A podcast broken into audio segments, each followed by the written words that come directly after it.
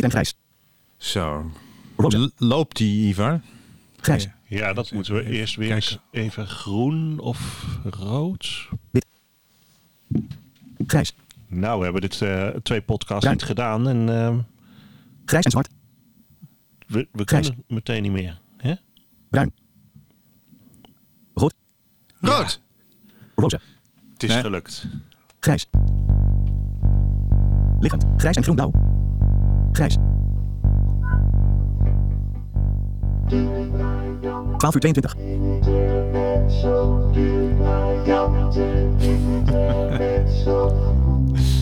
Met Vincent Bijlo. En Ivar Eling.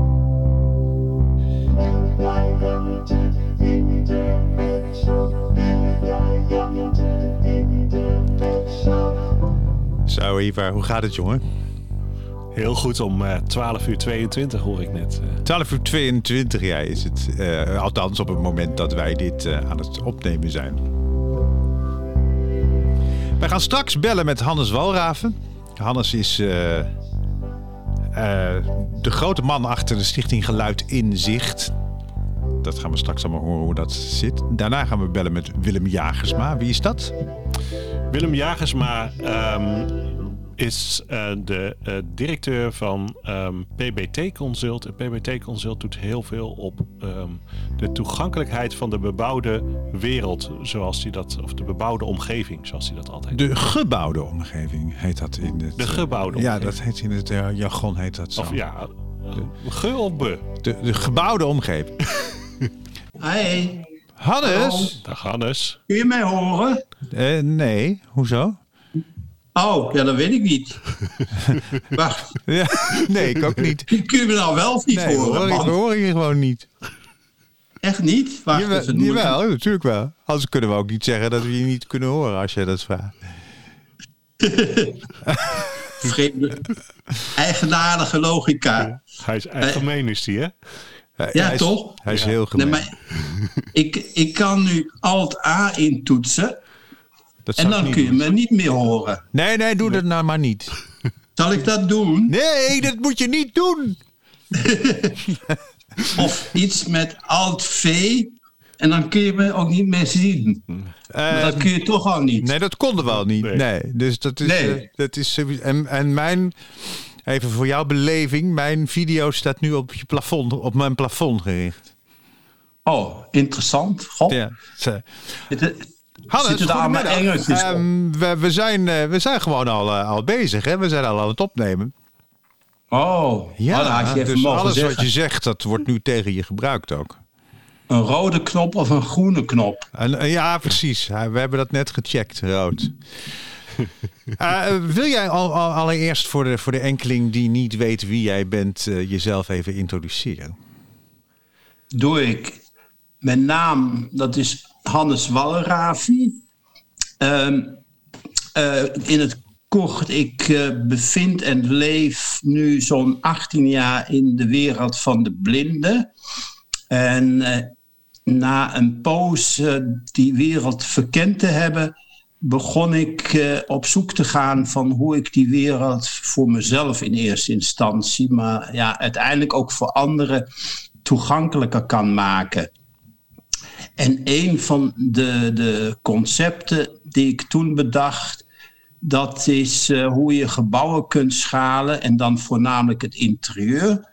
Zodat je eigenlijk met de zintuigen die wij dan hebben, namelijk je oren en, en of je handen, dus zien met je oren of zien met je handen, eh, een gebouw kunt verkennen en daardoor ook kunt beleven. Dus hoe je ook echt beeld krijgt van een gebouw, zodat je redelijk kunt navigeren of dat je veel belangrijker nog ook een idee krijgt, een beeld als het ware van een gebouw. En dat schalen, dat, dat, dat schalen, dat vertaalt zich dan in de maquette van het gebouw die, eh, die Ja, er dan- is. dan ga je kijken of je 1 op 100 of 1 op 75. Dus je perst dat gebouw steeds meer in eh, een kleine of in een handzaam volume. En belangrijk daarin, ja, je moet het niet te, te klein maken. Dus je, ja, je, je moet- het niet op eh, minieme afmetingen doen. Dan, dan doen je vingers daar ook niks mee. Maar je moet het ook niet veel groter maken dan een tafel. Dus je moet er ook niet omheen gaan lopen. Zeg maar een tafelmodel, dat is ideaal. Dan neem je één keer een positie in. En vanuit die positie begin je dus met je hand te verkennen. En je andere hand, ja, die, die rust op een soort gefixeerd punt. En van daaruit, dus dat, dat ik noem het zien met je spieren.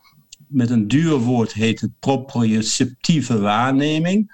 Ehm, oriënteer je in dat wat je al hebt eh, kunnen verkennen. Ja. Dus zo begin je geleidelijk aan, begin je dus ook ruimte te ontwikkelen. En je eh, krijgt dus een gebouw echt in je vingers en in je armen op die manier eigenlijk.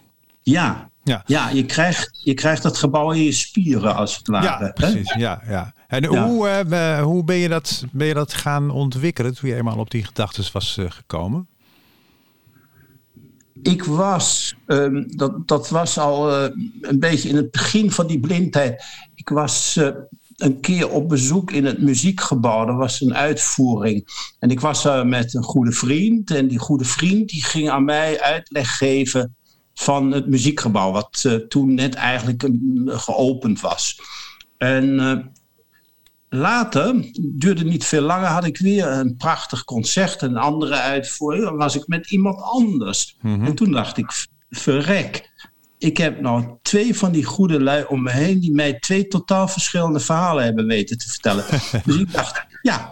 Maar wat ze vergeten waren, was dat heel significant aan het muziekgebouw, dat is het, eh, eh, de, de BIM-ruimte. Ja. En de BIM-ruimte, een jazzruimte, daar Vincent die weet daar vast heel wat meer van dan ik, maar ehm, die, die steekt als, als een schoenendoos Ja, het gebouw uit. Het is een uitstekende goed, doos. Ja. Een, een heel uitstekende doos, een heel vooruitstrevende doos, maar Goeie doos. De- is echt een goede goede doos. Ja, is een hele goede doos. nieuwe doos, geen oude doos. En die twee vrienden die, die vonden dat zo vanzelfsprekend. Het oog kan ook heel vluchtig zijn. Ja. En het oog denkt, ja, god, dat, dat, dat ziet iedereen wel. Maar ik, ik kreeg het niet te zien. Nee.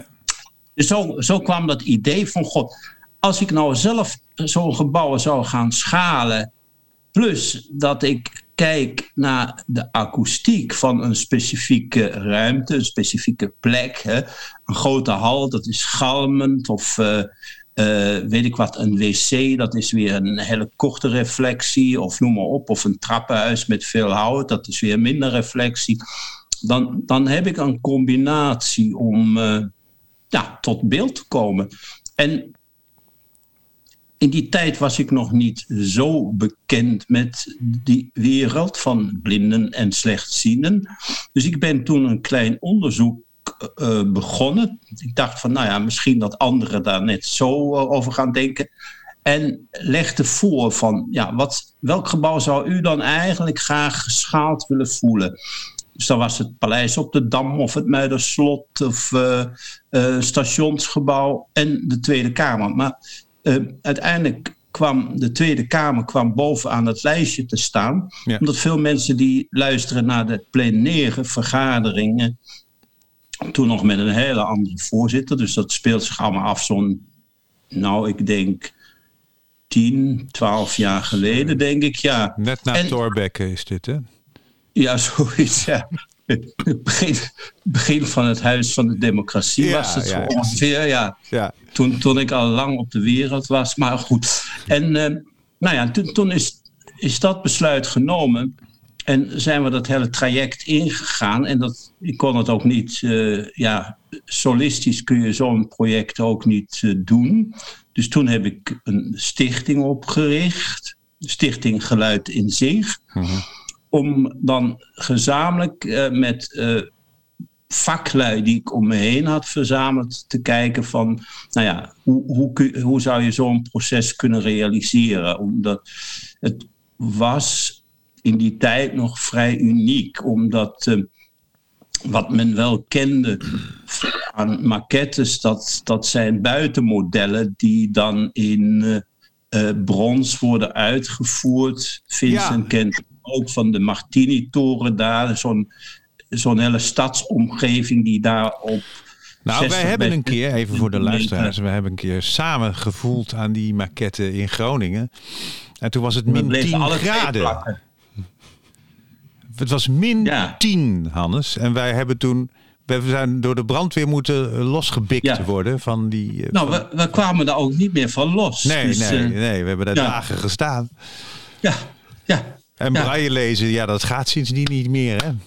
Nee. Nee, nee ja, dat kon bij mij ook. eh, ik heb het uitgekund en jij kon het daarna niet meer. Dus eh, Maar ehm, die maquette die uiteindelijk dus gerealiseerd is van die Tweede Kamer, was een waanzinnig bijzonder ding. Omdat je daar ook, jullie hadden ook daar originele materialen gebruikt.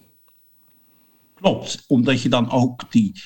Kijk, als je steen voelt, ja, dan trekt warmte uit je hand. Als je staal voelt, trekt ook warmte uit je hand.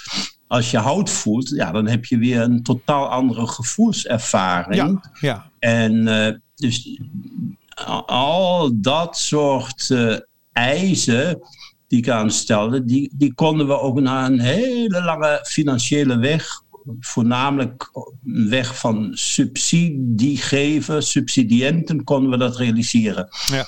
En, ehm, nou ja. En wat zo mooi eraan was, was natuurlijk dat hij dat hij eh, dat hij ehm, interactief is. Dus je, je, je raakt poppetjes aan of je raakt een stoel aan of een, een roltrap. En je hoort via je koptelefoon krijg je informatie over de plaats. Ja, je hebt onmiddellijk dus eh, je ontdekt en onmiddellijk heb je feedback door een betreffend geluid. Dus dat kan dan een ambient geluid zijn, dus dat ruimtelijke. Of dat kan bijvoorbeeld eh, toen in het oude model, zo noem ik het nou, het oude kindje. Dat kan dan de stem van Vincent Bijlo zijn die aan jongeren uitlegt hoe belangrijk de democratie toch ook wel voor iedereen kan eh, en zou moeten zijn. Ja. En, maar goed, nu is de Tweede Kamer verhuisd. Dus wat is er nu gebeurd? Afgelopen 4 april is de nieuwe maquette van de nieuwe Tweede Kamer is onthuld. En hoe is nou de ontwikkeling? Want er zit, hoeveel jaar zit er eigenlijk tussen die twee maquettes? De vorige die werd in, ik even teruggaan in tijd, 2014. Ja, die heeft daar, ja, die heeft daar acht jaar eh, eh, geademd, gestaan en gesproken en gedaan. En eh, dus het was twee jaar geleden was het duidelijk dus dat de Tweede Kamer ook definitief naar een tijdelijke locatie ging verhuizen. En toen hebben wij ook weer dat. ik had het contact weer gelegd met weer een nieuwe directeur. Die komen en gaan. En, dus, eh, en toen kreeg ik ook, ja, zo twee jaar geleden, groen licht. Men, men vond het belangrijk. Voor, voor hun was dit eigenlijk ook een eh, ja, vorm van: kijk wat wij doen aan toegankelijkheid. En nou ja, inmiddels heb je meer openbare gebouwen waar ook maquettes eh, gerealiseerd worden.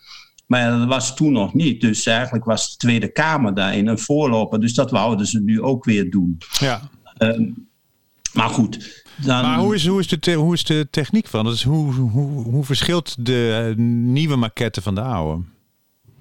Ehm, nogal. ehm, de, het aanraken, dat, dat is zo gebleven. Dat, daar zit nu een andere audiotechniek in, die het, een, een uiterst vereenvoudigde audiotechniek. Dus dat houdt ook in dat er nog één geluidslaag eh, is overgebleven. Ehm, de materiaalervaring die is niet zo uitgesproken zoals het voorheen was. Maar goed, weet je, dat heeft alles met een kostenplaatje te maken van wat beschikbaar is en wat niet. En voor welk eh, eh, plaatje je iets moet realiseren. Ja, Maar en deze is ook tijdelijk natuurlijk. en deze, deze is ook tijdelijk, ja. Ja. Toen zeiden ze eerst vijf en toen werd het vijf en een half. Toen was het nu al zes jaar en je hoort veel geluiden dat het tien jaar is. Dus, eh, nou ja, oh, nou, zullen dan zien. is het... nou, En wat is dan één audiolaag, eh, Hannes? Wat, wat houdt dat? Wat is het verschil dan met de vorige? ik kan jullie heel kort een stukje laten horen als je daar. Ik heb het klaargezet. Ja, Vinden leuk. jullie dat interessant? Ja, dat vinden Ja. we interessant. Nou, 04 ontvangst, 03 aansteen buitenweg, 01 B ingang VHK-weg. 3 van Oh, wacht, dat is de ingang. Dus nou vind je bij de ingang buiten. Je loopt dus van het station eh, centraal. Loop je via een geleidelijn richting de Tweede Kamer. En bij het nieuw? Julianapad. De, ja, de tijdelijke Tweede Kamer, B67 heet het. Ja. En daar, daar ontdekken je vingers één poppetje. En dat poppetje, dat is mevrouw Vera Bergkamp. Wacht, ik zal het jullie even laten horen. U staat voor de publieksingang van de Tweede Kamer, ook wel B67 genoemd. De ingang van B67 ligt aan het Prinses Irenepad en is bestemd voor personen en groepen. Vera Bergkamp, de voorzitter van de Tweede Kamer, verwelkomt u. Welkom eh, in de Tweede Kamer, in de B67. Dit is ons eh, tijdelijk onderkomen.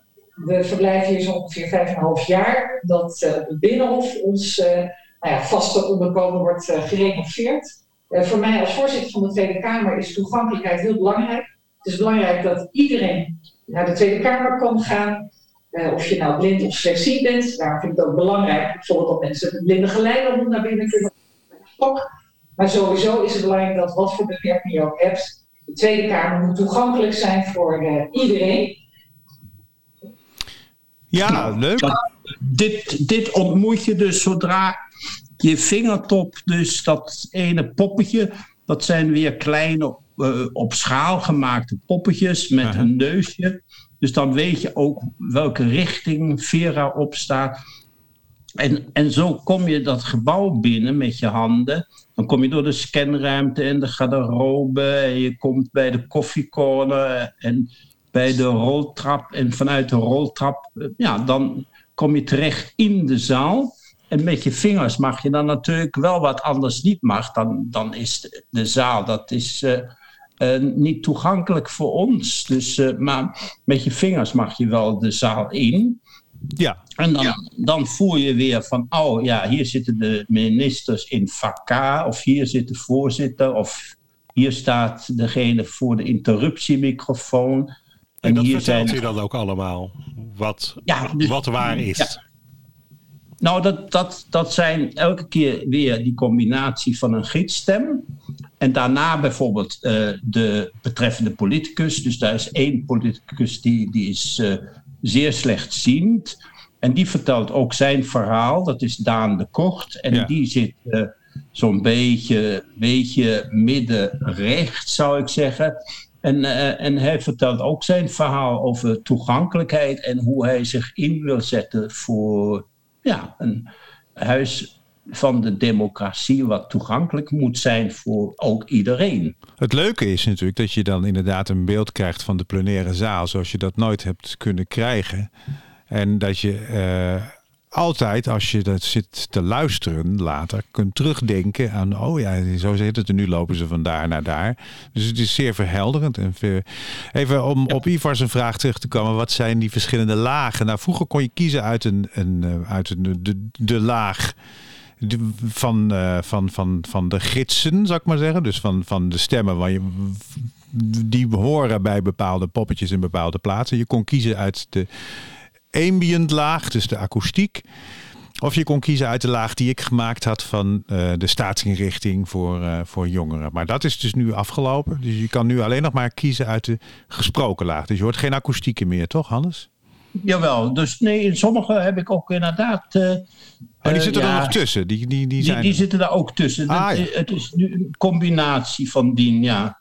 Oké, maar Vincent, eh, die mag niet meer. Nee, ik ben er niet meer. Ik zit er niet meer. Nee, nee, Vincent hebben we eruit geflikkerd. Dat- Die was te duur hoor, dus dat kan niet. Nee, nee. Oh, Ongelooflijk Ja. dit. Ik ben gewoon gecanceld. Nou, Ja. dan moet je het zelf ook maar weten met die democratie. Ja, daarom. Als jij daar niet in meedoet. Ongelooflijk. Maar Nee. ehm, eh, nu is hij dus afgelopen 4 april eh, geopend. Was het een leuke bijeenkomst? Ja, ja, nee, was geweldig, omdat eh, ik, ik, ik schat zo ja, wat kleinere groep dan in 2014, maar toch weet ik wat zo'n 60, en waarvan zo'n 30 blinden en slechtzienden. En we mochten bij uitzondering eh, ook de zaal in. Dus iedereen eh, pleurde zichzelf ergens op een van de stoel neer. En ik zat in een laadje zo onder die tafel te trekken. Nou ja, ik zal niet vertellen wat ik daar ontdekte. Maar goed, dat, dat zijn natuurlijk hele persoonlijke plekken. Uh, men mocht op de stoel van de voorzitter en in vak K. En zo werd de hele plenaire zaal bevolkt door uh, blinde slechtzienden, inclusief geleidehonden. En Vera Bergkamp uh, nam ook uitvoerig de tijd om uitleg te geven en ons ook ja, fysiek dus die plek ook te demonstreren. Ja, dus, leuk. Ja. Nou, en, en dat was natuurlijk het leuke omdat je kon weer vergelijken, terug naar de maquette. Je kon weer voelen, oh ja, verrek, hier ben ik net geweest. En, dus ik wil ook kijken dat in de toekomst, als er dus uh, uh, rondleidingen nu georganiseerd gaan worden, en dat doet ProDemos. ProDemos is de organisatie, het Huis van de Democratie. Ja. Dat zij dus met rondleidingen ook voor de doelgroep dat we kijken dat we dan ook steeds weer zo de zaal zelf in mogen. Dus dat zal dan op zaterdagen zijn. Mhm. Dus dan wordt die zaal verder ook niet gebruikt. Dus, Nee, eh, nee. maar en, dat- ehm, eh, en buiten de Tweede Kamer, wat, wat zit er allemaal nog meer in het vat van eh, geluid in zicht? we hebben nu dinsdag, dat, dat is ook leuk, een klein Amsterdams museum. Dat heet Ons Lieve Heer op Zolder. Een prachtig, geweldig ontdek, ontdekkingspand Ja. uit de 17e eeuw. En daar heb ik samen met het museum een audio-rondleiding, dus toegespitst op de doelgroep, eh, gerealiseerd. En dat wo- wordt volgende week dinsdag om half vijf eh, geopend. Mhm. En eh, ja, dat, dat, dat is een activiteit. Ehm, Iva die is ook betrokken bij een verzoek van het marineterrein. Om, en Iva die weet natuurlijk weer alles van Navilens. eh, om daar eh, toegankelijkheid eh, ook verder te realiseren. Vertel jij daar dan En- eens even iets over, Ivar? Hoe zit dat? Nou, het marineterrein is ehm, ehm, het, het oude marineterrein wat, eh, wat ze hebben ontwikkeld tot... ehm, ja, hoe zeg je dat, Hannes? Het is een, een culturele Een mix, een mix van, van, cultureel Cul- eh, ontdekking, educatief, educatief. ja, eh, eh, historisch. ehm, nou ja, een beetje een, een, een ratje toe van alles en nog wat bij elkaar. ja, Oh, en- wacht. Ik, ik, ze begint even doorheen te praten. Ja, dus, dus, dus ehm, het, het is een terrein en daar kunnen, kunnen beginnende bedrijven, maar ook eh, kunstenaars. eh, maar het is ook een, ehm, ja, het is eigenlijk ook een beetje een, een, een, een, een stadspark, strandachtige locatie. En Het leuke is overigens dat het eeuwenlang niet bij de stad heeft gehoord. Dus het is een heel nieuw eh, te ontdekken terrein. Het stond ook op kaarten gewoon eh, vroeger eh, als een zwart Als- vlak ingetekend. Ja, een, wit, wit, wit, witte vlek was het. Ja. Oh, wit. wit. Terra, terra incognita. Ja, precies. Het, het hoorde niet bij de stad. En nu blijkt ook, bijvoorbeeld, ik heb er, ik heb er laatst gegeten in de, eh, de scheepskameel. eh, op, dat, op dat terrein. En het blijkt ook nu dat er bomen staan van 300 jaar oud... die eigenlijk vrijwel nog nooit een Amsterdammer heeft gezien. Dus dat is, dat is een geweldig terrein. Nieuw te ontdekken terrein. Ja. En hoe, wat gaat Nav, hoe gaat Navilens dat ontsluiten, Ivar? Nou ja, dat is, ehm, eh, de- daarover zijn we, zijn we in gesprek. Maar ze hebben daar ehm, heel veel informatie ehm, van wat er, wat er te doen is. Maar ook de historische informatie. En een van de eh, punten die, eh, of een van de dingen die daar gebeurt, is dat ze die informatie ook via QR-codes beschikbaar maken.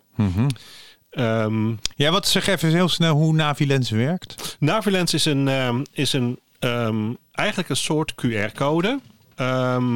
Maar die QR-code kan je op eh, grote afstand eh, scannen. Dus je hoeft niet bij QR-code, moet je je telefoon echt precies voor die code houden. En dan moet die in beeld zijn en of, hè, dan kan die hem pas, pas scannen. Mhm. Een Navilens code kan je al vanaf eh, een een 12 meter afstand scannen. Maar hij vertelt je dan ook ehm, de richting van de code. Dus hij weet ehm, hoe jij hem scant, van welke richting je komt eigenlijk. Ja. En onder welke hoek ehm, je hem scant. Dus hij kan dan bijvoorbeeld zeggen, als je van de ene kant komt, kan hij zeggen van hè, je moet naar links eh, naar de lift. En als je vanaf de andere kant komt, dan kan hij zeggen van je moet naar rechts naar Oh de ja. lift. En Hannes, wat is, Hannes, wat is jouw Ja. betrokkenheid dan bij het, eh, bij het marine terrein? Ze hebben het aan mij gevraagd om tot oplossingen te komen. En Navilens kende ik al. En IVA leerde ik kennen. Indirect ken ik IVA zelfs al iets van 30 jaar geleden, schijnt. Ehm, en Navilens lijkt mij in zo'n buitenruimte eigenlijk wel weer een geschikte oplossing. Omdat, zoals Iva dat aangeeft, het, kijk, een QR-code, dan, eh, zoals je die vaker in exposities hè, binnen musea ko- kom je ze tegen, maar wij kunnen ze toch nooit vinden. En bij die Navilens, wat eigenlijk meer een uitvergroting van zo'n QR-code is, daar heb je het voordeel, behalve dus dat, dat je die content, dus dat wat je eraan koppelt, je kunt er van alles aan koppelen, kun je het ook deels gebruiken als navigatie. Ja. Ehm, en zoals zeg maar, dat wordt nu ook met. eh er zijn nu eigenlijk eh, dus gekozen voor drie prototypes van eh, navigatie, voornamelijk indoor navigatie. En die worden nu ook getest bij en rondom de Tweede Kamer. Dus dat je dus binnen Den Haag CS je weg vindt. Dat je onderweg op route via die geleidelijn. En wat ik graag wil is dat je binnen dus ook weer de weg vindt naar de maquette. En de weg vindt naar, naar de roltrap toe. En eh, dus dat, dat is onder andere dus dan... eh ja, zit er toch ook bij, Iva? Navilens zit er ook bij. Maar misschien ook heel grappig hè, bij het marineterrein om te, om te vertellen is, of nou misschien eigenlijk is helemaal niet zo grappig, maar een van de redenen dat ze naar andere oplossingen zoeken, is eh, die QR-codes, die bevinden zich buiten. En ehm, een bepaalde ehm, eh, ehm, mensen die hebben ontdekt dat je dus eh, als je daar QR-code, een andere QR-code overheen plakt, je andere informatie kan delen. Ehm, dus, ehm, nou ja, Dat je opeens op een porno-site eh, zit, wijzen ja. veel van die QR-codes gingen in één keer verwijzen naar eh, reclame ehm, of naar porno-sites of naar andere, Werkelijk zeg. andere rare informatie. Dat Dus zijn mensen toch naar eigenlijk. nou hè, Nou, ja. Ja. heel naar.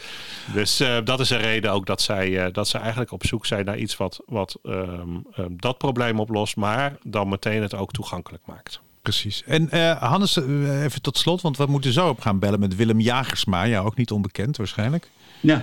Oh ja. Die gaan Ja, wij die, zo... die, vertelt, die vertelt je weer meer over dat, eh, die verbinding tussen Den Haag CS. Of, eh, nou, toch? precies. Daarom gaan we Ja. ook bellen. Maar, maar eh, wat heeft, eh, zijn er nog andere projecten van Geluid en Zicht die je nu nog even onder de aandacht wil brengen? Nou ja, ik heb het, eh, we zijn in gesprek met het eh, Rembrandthuis. Dat is heel leuk, die, omdat ze, ze gaan in, in verbouwing. En zij willen heel graag eh, dat ik eh, en, eh, meedenk eh, over toegankelijkheid. Dus eh, en, nou, daar, zo'n mooi oud historisch pand is dan natuurlijk ook weer heel geschikt om eh, ook in- weer in maquetten te kunnen verkennen. Ehm, zeker ook in dat geval omdat het niet alleen de groep van slechtziende blinden is, maar ook de eh, rolstoelgebruikers. Dus mensen met een motorische beperking, die kunnen namelijk niet makkelijk door dat gebouw heen. Maar die zouden dus aan de hand van die maquetten daar ter plekke wel met hun eh compaan of zo, die door dat gebouw heen loopt, wel eh, aan de hand van zo'n maquette ook eh, Rembrandts atelier en noem maar op kunnen, kunnen verkennen. Ja. Maar dat, dat, dat is, ja, weet je, dat zijn dingen die zijn groeiende. Zo moet je het zien. En het Rijksmuseum, wat, hoe, wat is daar je bemoeienis mee? Oh ja, ja. Nee, daar, daar zijn we nou met een meer een kleiner, een handzaam schootmodel. Dat hebben we ontwikkeld. En dat wordt gecombineerd met de indoor wayfinder van. eh, Die, die heeft nu voorheen heette dat My Indoor of iets. En nu hebben ze ja, ik onthoud die naam niet. eh w, w, WZ. Een, dus navigatie van, door Bartimeus ontwikkeld. En eh, in het Rijks is, is die dus nu gekoppeld aan de, ehm, ja, de, de, de handzame, draagbare schoot, eh, ja, meer de schootaudio. eh, eh, au- het is ook een audiomaquette. Dus eh, die, deze maquette heeft ook hetzelfde audioprincipe. Dus Maar die neem je dus mee, die neemt hem mee tijdens je bezoek. Ja, je krijgt hem, dus je komt, eh, je komt binnen via die navigatie bij de infobalie, wordt die uitgereikt. En dan ga je eerst eh, zo in dat deel tussen garderobe en kassa, daar heb je een aantal van die zitblokken. Dan ga je rustig zitten en dan begin je eh, een beetje dat gebouw te verkennen. En dat je dus vrij makkelijk eigenlijk ook in de gaten krijgt. Dat hele ontwerp, dat is zo eh, gerealiseerd dat één middenrif en rond dat middenrif twee van die U-vormen zijn geplakt. En ja, zo al voelend. Plus eh, de audio-informatie die je daar ook weer hebt. ehm, begint er eigenlijk een beetje een beeld te ontstaan van het concept van dat hele gebouw. Ja. En daarna, daarna ga je vertrouwen dus op die. Dus dan ga je als blinde blindelings vertrouwen op die weefveiling. En die brengt je dan weer naar bepaalde plekken. Eh, bijvoorbeeld de eregalerij. Maar de eregalerij heb je eerder al ontdekt. En die, dan weet je een beetje, oh ja, dit is de fietstul. Oh, en de eregalerij die zit hier precies. Dus je klapt ook eh, verdieping per verdieping zo in dat model over elkaar heen. Ja, precies. eh, Ja. En, hoeveel, van het- die, eh, hoeveel van die maquettes zijn er beschikbaar eigenlijk? Ja, ik zou het graag willen dat ze dus op zijn minst dan tegen die tijd dat ze het, eh, eh, het uiteindelijke groen licht geven, zo'n twee wel realiseren. Dat twee mensen ook tegelijkertijd naast elkaar zitten. Ja. Dat ook maar zo het is het ding nu al, en als ik er nu heen ga, is er al één of niet? Nee, nee, het is allemaal. Kijk, dat heet allemaal prototypes of eh, Oh ja. hoe noem je ja. dat? Eh, work in progress noem je dat zoiets. Ja, dat- kan, work, work in progress kan soms lang duren. Dus En, maar wanneer verwacht je dat, dat, dat, ze ook, dat je echt eh, in het Rijk zo, zo, zo er doorheen zou kunnen? ik weet het niet. Moet je aan het Rijks vragen. Dus eh, dat weet Katelijne dan. Katelijne Dus, weet eh, dat. Ja, die gaan we daar dan ja, ook over bellen een keer. Ja, die, nou, die moet je daar een keer over bellen. Ja, Ja, dat ga ik doen. ja dat is wel leuk. Ja. Hey, ik, wij moeten nu eh, ophangen, want we moeten Doe dat. Willem, Jagersma. ja, doe hem de groeten. Dat zal ik zeker doen. En, eh, En ongelooflijk jullie bedankt, ook. Hannes. En Dankjewel, Hannes. tot heel gauw. Ja. Heer. Hey, tot gauw. Tot gauw. Hoi, hoi. Ciao. Dag. Dag. Ciao. Ciao, ciao.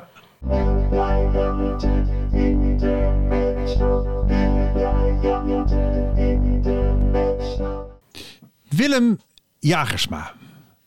Ja, Goedemiddag. Goedemiddag Vincent. Goedemiddag. We zitten hier met eh, Ivar Eerling ook. Ivar, Goedemiddag, Willem. Oh, dag Ivar. Hoi. ehm, z- zou jij je eh, eerst even willen voorstellen, Willem? Ja, natuurlijk. Eh, mijn naam is Willem Jagersma. Ik ben directeur en oprichter van PBT Consult. En PBT Consult is een ingenieursbureau wat zich bezighoudt met toegankelijkheid van de gebouwde omgeving.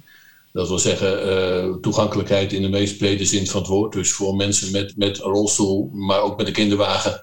Eh, mensen met visuele beperkingen, mensen met auditieve beperkingen. En ja, eigenlijk het hele, het hele scala. En daar houden wij ons bezig. En dan adviseren wij vooral eh, het verhaal aan, eh, aan architecten en aannemers. En ja, je hoort het al een beetje, architecten en aannemers, dat is ook mijn achtergrond. Ik ben bouwkundige. En vanuit die hoek, dus ik ben geen belangenbehartiger, vanuit die hoek benaderen wij ook de toegankelijkheid. Wanneer eh, eh, zijn jullie daarmee begonnen? Eh, ik ben daar zelf in 2002 mee begonnen. En we hebben het bedrijf in, in 2008 hebben we dat opgericht. En wat, zijn nou, wat zijn nou eigenlijk eh, eh, toonaangevende ontwikkelingen in die tijd op, het, op dat gebied van die toegankelijkheid? Nou, wat misschien het allerbelangrijkste is, is dat het besef over toegankelijkheid enorm is toegenomen. Eh, toen wij begonnen was het eigenlijk nog iets van vooral, zoals wij het willen zeggen, uh, door gehandicapten voor gehandicapten. En inmiddels is het behoorlijk geprofessionaliseerd Mhm. en ja, wordt het echt in programma's van eisen opgenomen. en dat eigenlijk als je, is dat wel de, de, de, de grootste ontwikkeling geweest. Want het, het verhaal over Zeker als het gaat om fysieke toegankelijkheid, zoals het er in 2002 uitzag en zoals het er nu uitziet, zijn er wel wat wijzigingen, maar eigenlijk werken we nog steeds met dezelfde gegevens. Waar de grootste veranderingen hebben plaatsgevonden, is op het terrein van uh, uh, voorzieningen voor uh, mensen met een visuele beperking. Daar is eigenlijk het meeste gebeurd in de laatste paar jaar. Kan je daar een kort overzicht van schetsen? Nou, wat, wat heel erg uh, belangrijk is geweest, is dat bijvoorbeeld ProRail in 2010 heeft besloten dat op alle stations geleidelijnen moesten komen liggen. En er lagen wel veel geleidelijnen op de stations. Fysieke maar, hebben we het dan over. Hè? Fysieke, de ja. fysieke geleidelijnen, ja. ja. Dus die, de, de, de, de ribbellijnen. Hè? Ja, ja. En, en nou, die ribbellijnen die werden vaak uh, op een station door een lokale uh, blinde, om het maar even zo te zeggen, geadviseerd. Van joh, daar wil ik eigenlijk wel een lijn hebben, want dat is makkelijk voor mij.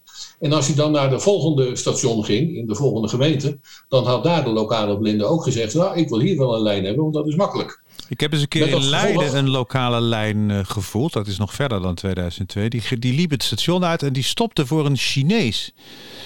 Dus Ah, waarschijnlijk oh. ging de lokale blinde daar graag heen. En dus hij ging, hij ging niet verder. Hij ging niet verder, maar misschien nee. heeft de Chinees er ook wel een heleboel voor betaald. Ja, het zou kunnen dat hij gesponsord heeft ook. Dat is ja. natuurlijk mogelijk. Dat als de blinde daar in vertwijfeling voor de Chinees stond, dat er gelijk een aantal mensen op zijn, op zijn dak sprongen en hem naar binnen sleepten. Ja, dat zou zo kunnen, ja. Dat zou zo kunnen. Maar goed, zo maar, was het maar dus zo, zo, zo, gebeurde dat altijd, ja. ja. En het eindigde ergens, het begon zomaar ergens en niemand wist wat er aan de hand was. Nee. Nou, en vanaf dat moment is er een, is er een standaard ontwikkeld. En die is op alle stations uitgerold en wordt nu ook op, in heel veel gemeentes wordt die uitgerold. En uh, ja, sinds niet al te lange tijd uh, is daar nu nog een, uh, allerlei mooie ontwikkelingen bijgekomen in de vorm van, zoals wij het dan noemen, intelligente of slimme geleidelijnen. Ja. Want met de elektronica en het internet kan je heel veel bereiken. En zeker op dit terrein. En dat gebeurt momenteel dan ook. Laten we het even hebben over, want we hadden net Hannes Walraaf aan de lijn, met wie, van wie je Oh ja. overigens de groeten moest hebben. Dankjewel. En uh, die had het over de geleidelijn van het station naar de Tweede Kamer, de, de, de, nieuwe Tweede Kamer in de, Den Haag. Ja. Want daar heb je ook mee van doen, toch? Ja, daar hebben we zeker ook mee, mee, mee van doen. Wat daar, nou ja, je zal het verhaal misschien ook wel voor een deel van, uh, van Hannes hebben gehoord. Um, de Tweede Kamer die zit nu natuurlijk in een tijdelijke locatie en die zit eigenlijk vlakbij het Centraal Station. Mm -hmm.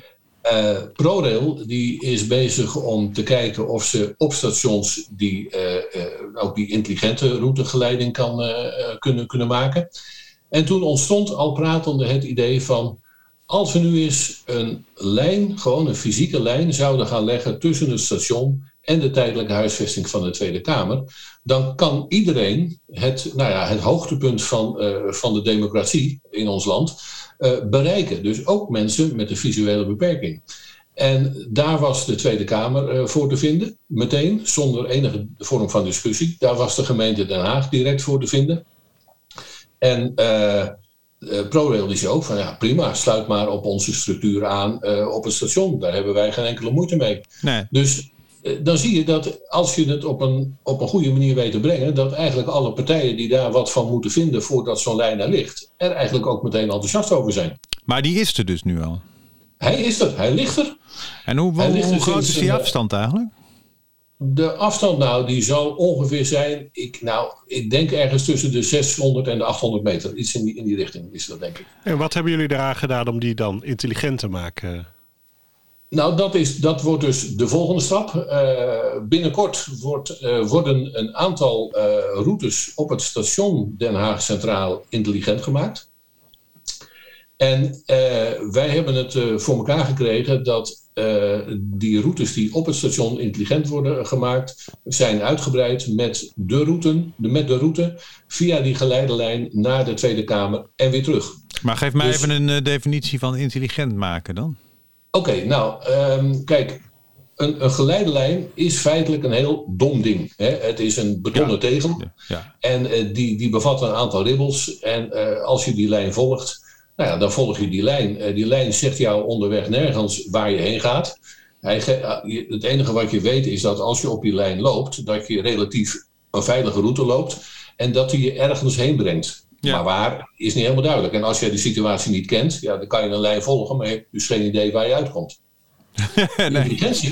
Verrassingslijn. De ja. Chinees, toch? Een, een verrassing. Ja, Dat is, ja, zo zou je het ook kunnen noemen, ja. Ehm, maar eh, eh, wat, wat nou eh, het intelligente daarvan eh, van, van is, wat we aan het doen zijn, is dat je aan die lijn eh, informatie koppelt die je via een app op je telefoon tot je kan nemen. Dus eh, dan zegt, eh, als je dus die app aan hebt staan en je volgt die lijn, dan zou die app op een gegeven moment kunnen zeggen van, eh, als u hier rechtsaf gaat, hè, dan komt u bij, nou ja, eh, noem maar wat, bij, bij spoor 10, hè, als het op een station gaat. Of als u rechtdoor loopt, dan gaat u richting de Tweede Kamer. Eh, dus dat soort informatie krijg je. Dus die intelligentie die is gekoppeld aan die lijn die neergelegd is. En eh, zolang jij die lijn volgt, loop je relatief veilig. Want dat is een van de voorwaarden waarom een lijn ergens mag liggen. Hè. Hij moet wel een bepaalde veiligheid bieden, anders moet je hem niet aanleggen. Eh, en je volgt dus die lijn. En in plaats van dat je niet meer weet eh, waar je bent of waar je heen gaat, vertelt die app jou keurig waar je naartoe gaat. En of je af moet slaan, of rechtdoor moet, of rechtsaf. of Zo kun je dus een, een, een lijn met ontzettend veel afslagen maken. En zo kun je ook meerdere lijnen elkaar laten kruisen natuurlijk.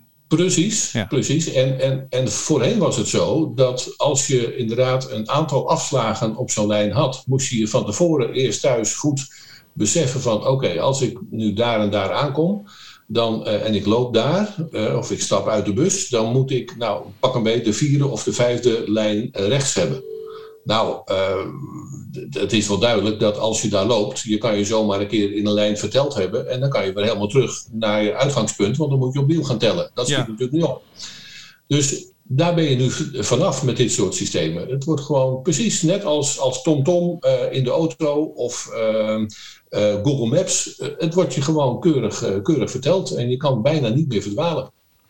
Dat is ongelooflijk. En dat, dat concept wat jullie nu op station Den Haag eh, willen gaan doen, dus met, met de meerdere intelligente lijnen, eh, is dat al ergens anders ook al actief?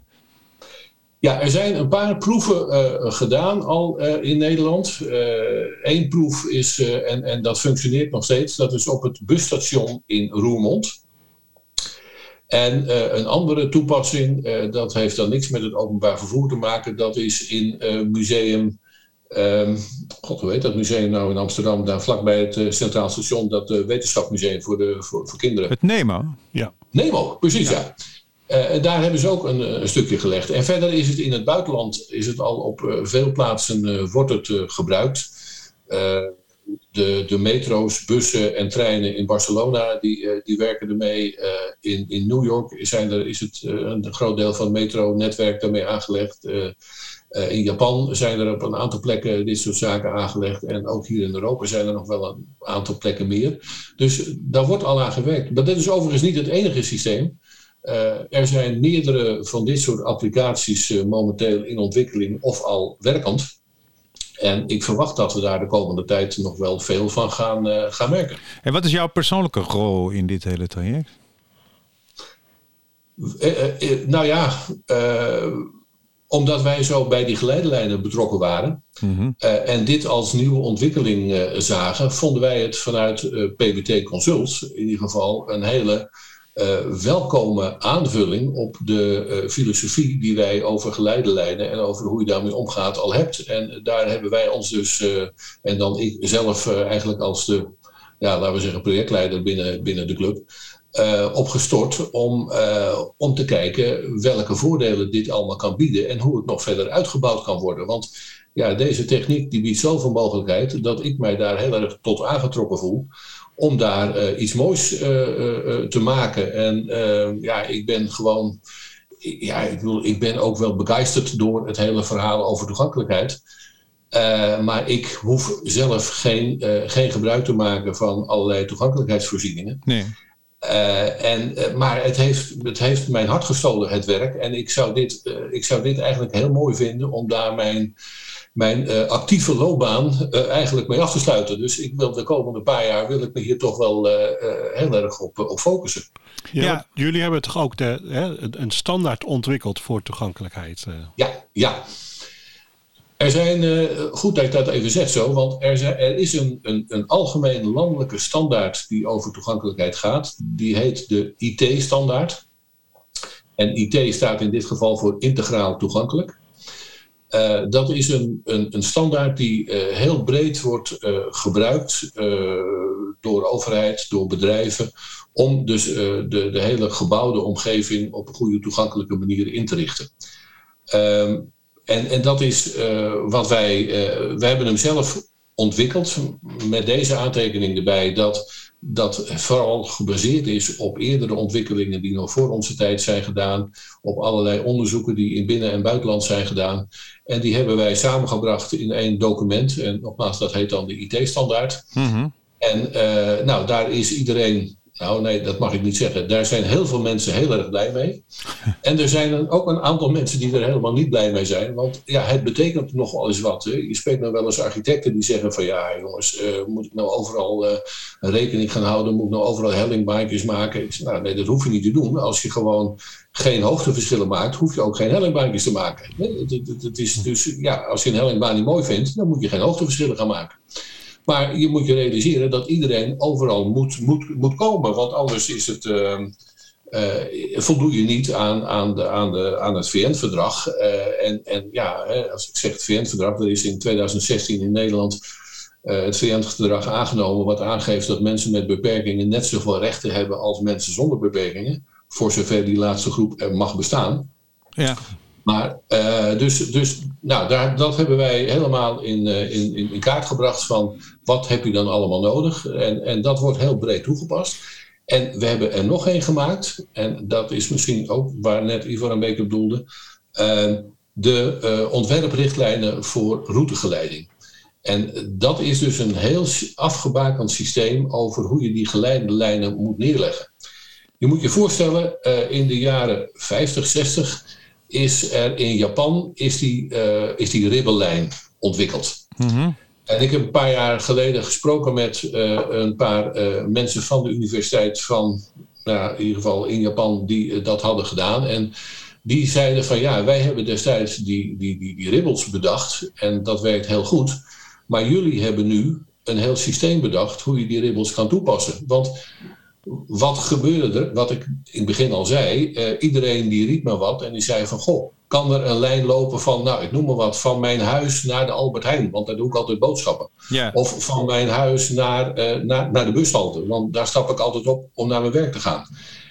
Uh, wat je dan ziet gebeuren, dat er in woonwijken stukken lijnlagen... die dan persoonlijk voor iemand waren aangelegd... Uh, de persoon in kwestie die ging verhuizen of die kwam uh, misschien te overlijden. Maar die lijnen gingen nooit meer weg. Dus niemand begreep meer waarom de lijnen lagen. En er lag, er lag echt een rommel van alles en nog wat. En ja, dat kan natuurlijk niet. Dus je, moet zorgen dat dat gewoon op een, op een goede, uh, grondige manier gebeurt. Zodat als je een lijn volgt, ook begrijpt wat de taal is die die lijn eigenlijk uitspreekt. Hè? Ja, dus ja. Uh, je, je, moet ergens weten dat je bij een waarschuwingsmarkering komt. En als je bij die waarschuwingsmarkering komt, betekent dat die ligt daar omdat het dan gevaarlijk is. Uh, of als er een zogenaamd attentievlag ligt, dan dat, dat die ligt daar om jou erop te attenderen dat je een besluit moet nemen. Maar dat zou dan betekenen. rechtsaf. Maar dat zou dan betekenen dat die persoonlijke lijnen niet meer mogelijk zijn, eigenlijk. Nee, die, uh, die worden ook door ons aan alle kanten afgeraden. Ja. En dat hebben we ook met organisaties als Visio en Bartimeus uh, doorgesproken, want die vinden dat eigenlijk zelf ook. Nu ze er wat dieper over na gingen denken. Uh, want als het goed is, wordt iemand in het begin begeleid met het leren lopen met een stok Ja. uh, en, en, routes te volgen. En als je dat een paar keer gedaan hebt, dan zijn de vaste routes die je loopt, daar heb je geen lijn meer voor nodig, want die kan je uit ervaring gewoon volgen. En je weet waar de gevaarlijke punten liggen. Ja. En dat scheelt heel veel lijnen. Dat scheelt ook heel veel onbegrip van allerlei mensen. Van ja, wat doen die lijnen daar? Je moet je voorstellen, iemand die daar met een wandelwagen loopt en, eh, en, en over die lijn moet, eh, nou, die loopt daar te hobbelen. Hè, want nou, dat wordt het kind ook meestal niet, eh, niet, niet, niet vrolijker van. Dus ze liggen daar eigenlijk op een manier waarvan je zegt van ja, als ze niet nodig zijn, moet je ze ook niet neerleggen. Dus Nee, leg nou nee. alleen neer, de lijnen neer waar ze echt nodig zijn. En, en bijvoorbeeld, hè, zo'n lijn, ik, ik zie toch nog steeds wel vrij veel verschillende soorten lijnen. eh, Zeker qua breedte bijvoorbeeld, maar ook qua kleur. Is dat Ja. ook gestandaardiseerd of is dat, is dat, komt Ja, dat gewoon dat omdat het mensen, mensen dan een ander besluit nemen? Oh, dat laatste, dat gebeurt ook zeker. Kijk, ehm, wij zeggen over lijnen, die moeten eigenlijk witter dan wit zijn. Want ze moeten contrasteren met de omgeving. Nou, 90% van de trottoirs zijn uitgevoerd met grijze betontegels. Nou, eh, voldoende contrast krijgen tegen een grijze betontegel, eh, dat kan op twee manieren. Of je maakt een hele zwarte lijn, of je maakt een hele witte lijn. Want anders contrasteert die over het algemeen onvoldoende. Een hele zwarte lijn wordt ervaren als een, eh, een, een spleet of een gleuf. Dus dat wil je niet. Dus je gaat naar een witte lijn. En oké, een witte lijn wordt vies, maar hij blijft wel altijd een stuk witter dan het grijs. Dus de, de kleuren zijn gedefinieerd en ook de breedte is gedefinieerd. Vroeger waren dat lijnen van 60 centimeter. Dat had een reden. Dat gaat misschien nu wat te ver om dat uit te leggen, maar dat had een reden om die 60 centimeter lijn aan te houden. En toen is er op een gegeven moment, een jaar of tien geleden, bedacht van internationaal. Die lijn die kan ook wel 30 centimeter breed zijn. En als je hem eenmaal volgt, dan kan je ook prima een 30 centimeter lijn volgen. Oh, ja. Dat hebben wij toen uitgetest op een aantal stations. Hebben wij ehm, lijnen aangelegd van 60 die overgingen in 30. We hebben zelfs ook verschillende type eh, ribbels op die lijn verwerkt. Om te testen van nou hoe, hoe, hoe, hoe ervaart men dat. En dan blijkt dat de gemiddelde stokloper geen eens in de gaten had dat een lijn van 60 centimeter overging naar 30. En dat de ene ribbel werd vervangen door een andere ribbel. Dus eh, toen hebben wij eh, vastgesteld dat 30 centimeter lijnen inderdaad ook hier in Nederland prima toegepast kunnen worden. En we hebben ook eh, op een gegeven moment aangegeven, gekozen van nou, welke ribbels zijn dan naar ons idee toch het beste voelbaar. En dat hebben we nog een keer voorgelegd aan een flink aantal testpersonen en die waren het er ook wel mee eens.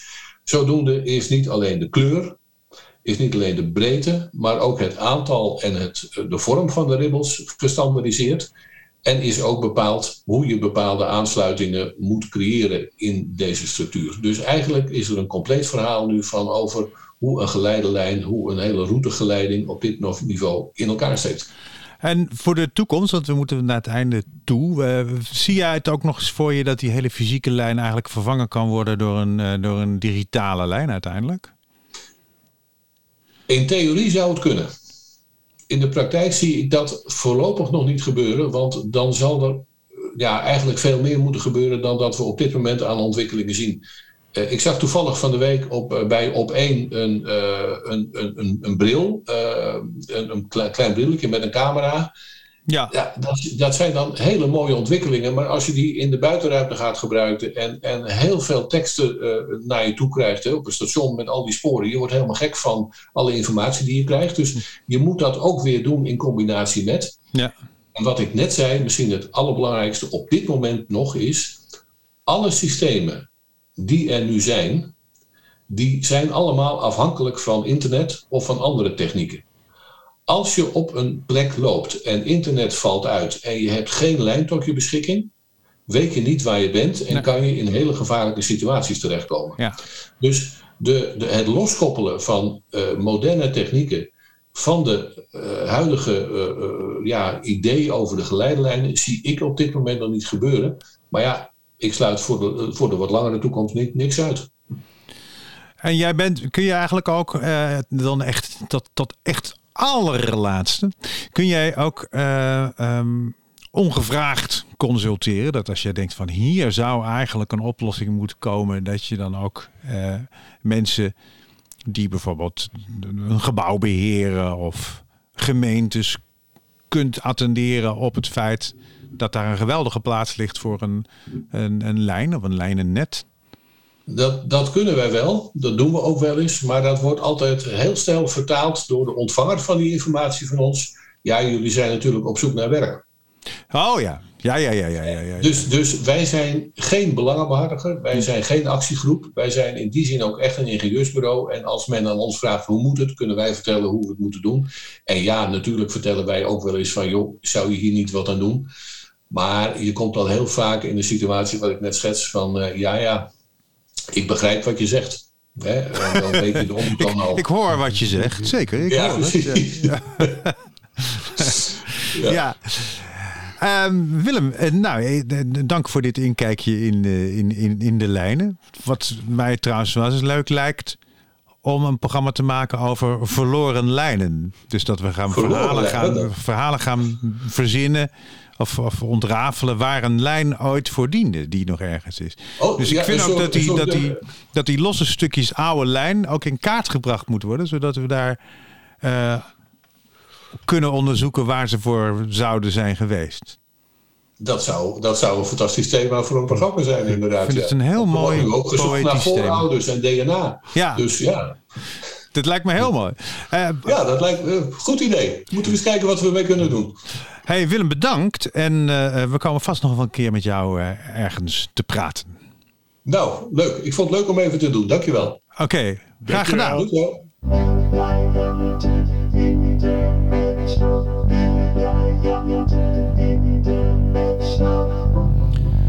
Alright, Ivar, dat was het weer. Eh, Ja, was er weer een lange hè, deze week. Ja, ja, ja, ja, ja, ja, ja. We weten veel meer over. eh, ik, ik zie het al helemaal voor me. Die hele webs, eh, eh, enorme netwerken van, van geleidepaden. ik Intelligente geleidepaden. Ik vind dan. die na de Chinees toch het meest belangrijke. Ja, die is, die is leuk, hè? Ja. Dat is echt heel goed. We kunnen mailen, of de mensen kunnen mailen, toch? Ja, Waar moeten ze dat doen, heen doen? Nou, ehm, met onderwerp podcast. Mhm. Of briljant intermezzo. In ieder geval dat we weten dat het over de podcast gaat. Naar info, apenstaartje, lexima-rijnecker.nl. Met CK is Rijnecker en E EI. Goed. Nou, mensen, tot volgende keer.